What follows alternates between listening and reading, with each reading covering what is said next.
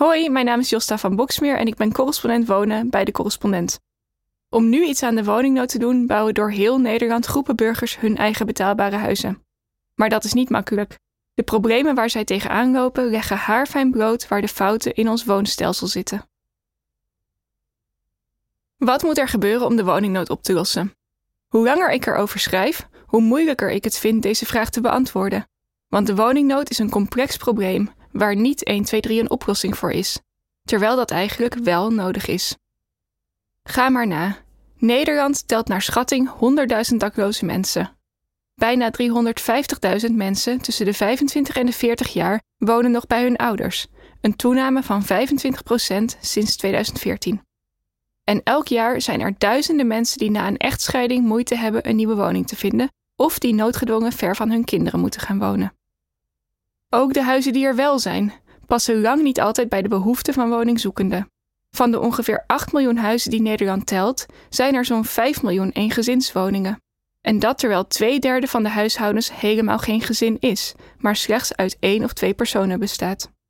De verwachting is zelfs dat in 2050 de helft van alle huishoudens alleenstaand is. Vooral ouderen wonen vaak groot, omdat ze alleen of met zijn tweeën zijn achtergebleven in een huis waar ze vroeger met hun kinderen woonden. Honderdduizenden 55-plussers zouden graag verhuizen. Het onderhoud wordt ze te veel, ze hebben zorg nodig of behoefte aan contact met gelijkgestemden. Maar geschikte appartementen zijn moeilijk te vinden.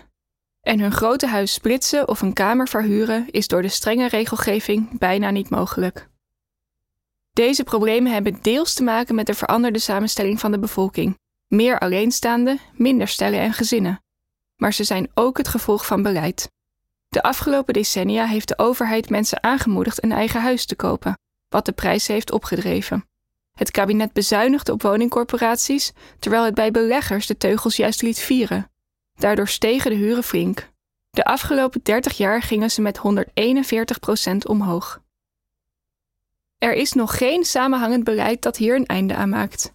En zelfs als dat er komt, zal het nog jaren duren voor de effecten zichtbaar zijn, terwijl woningzoekenden niet langer kunnen wachten. Niet gek dus dat er door heel Nederland groepen burgers zijn die zelf woningen bouwen en beheren. Ze willen en kunnen niet wachten tot de overheid met een oplossing komt. En dus gaan ze zelf aan de slag. Zo zijn er honderden wooncoöperaties, dat zijn verenigingen van mensen die gezamenlijk eigenaar zijn van hun eigen betaalbare huurwoningen. Het kan gaan om nieuwe huizen die ze samen laten bouwen, maar ook om bestaande woningen die ze hebben overgenomen of in beheer hebben gekregen. Een wooncoöperatie is niet te verwarren met een woningcorporatie, die ook betaalbare woningen verhuurt, maar waar de bewoners veel minder zeggenschap hebben. En anders dan bij zelfbouwprojecten met koophuizen, zijn de woningen betaalbaar voor mensen met een laag of middeninkomen en blijven ze dat ook. Behalve wooncoöperaties zijn er ook organisaties die hofjeswoningen bouwen voor ouderen of die oude boerderijen geschikt willen maken om er met een groep in te wonen. Er zijn community land trusts die proberen een koopwoning ook bereikbaar te maken voor mensen met een laag inkomen. En er zijn woningcorporaties die grote woningen of hele panden in zelfbeheer geven aan woongroepen. Betrouwbare cijfers zijn moeilijk te vinden, maar volgens brancheorganisatie Coop telt Nederland op dit moment zo'n 1400 burgerinitiatieven in de woningbouw. Ook de overheid heeft deze initiatieven omarmd. De gemeente Amsterdam lanceerde een paar jaar geleden een ambitieus actieplan wooncoöperaties, waar onder andere in staat dat in 2040 10% van de woningvoorraad uit woningen van wooncoöperaties moet bestaan.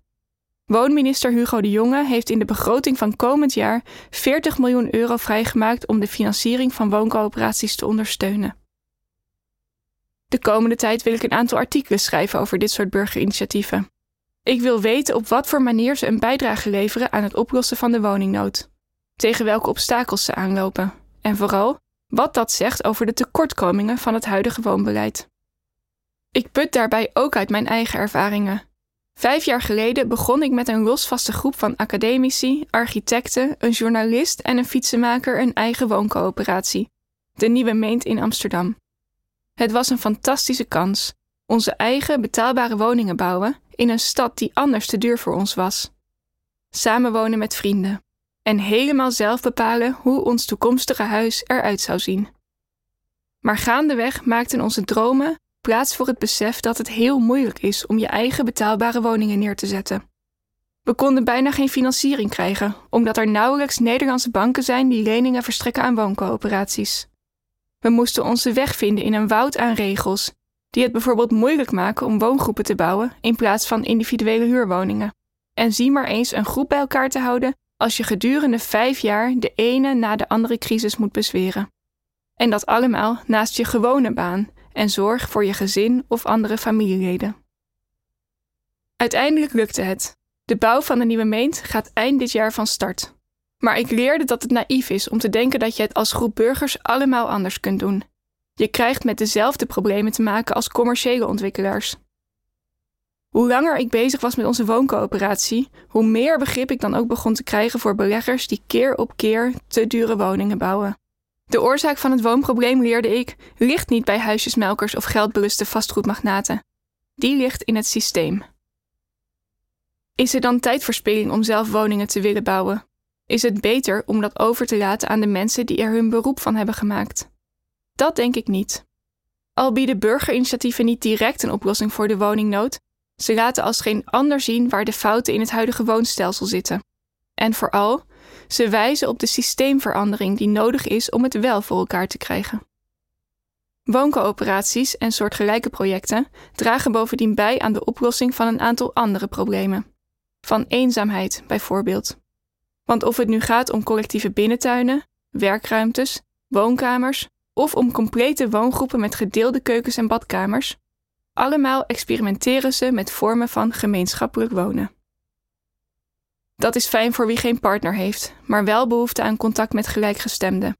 Voor alleenstaande ouders die de zorg voor hun kinderen graag met iemand willen delen. En voor jonge gezinnen die gebukt gaan onder de combinatie van werk, het huishouden en het onderhouden van een sociaal netwerk. Zoals de Amerikaanse antropoloog Kristen Gotzi schrijft, de focus op het kerngezin als dé plek waar we in ons dagelijks levensonderhoud voorzien, kinderen opvoeden en emotionele steun vinden, is problematisch. Het verklaart in ieder geval deels waarom volgens de laatste cijfers 11% van de Nederlanders zich sterk eenzaam voelt. Samenwonen is ook duurzamer dan apart.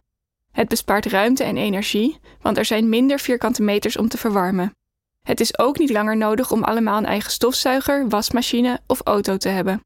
Bijkomend voordeel: in plaats van hard te werken voor een eigen huis met al deze apparaten, heb je tijd om een praatje te maken met de buurman wiens boormachine je leent. De komende tijd zal ik op bezoek gaan bij een aantal wooncoöperaties en andere zelfbouwinitiatieven in binnen- en buitenland. Ik wil ideeën opdoen voor manieren van samenleven, andere vormen van financiering en vragen naar problemen die de doe-het-zelvers hebben met de regelgeving. En ik wil weten hoe burgerinitiatieven in de woningbouw grootschaliger kunnen worden. Kortom, ik zal zoeken naar de contouren van een nieuw woonbeleid. De correspondent bestaat 10 jaar. Al tien jaar maken wij journalistiek voorbij de waan van de dag. Journalistiek die niet polariseert, maar perspectief biedt. Die geen ophef najaagt, maar oplossingen zoekt. Wist je dat de correspondent 100% door leden wordt gefinancierd? Dat betekent dat we ons werk alleen kunnen doen als luisteraars zoals jij ons steunen. Word vandaag nog lid. En draag bij aan diepgravende, Advertentievrije en onafhankelijke journalistiek. Ga naar decorrespondent.nl en word lid.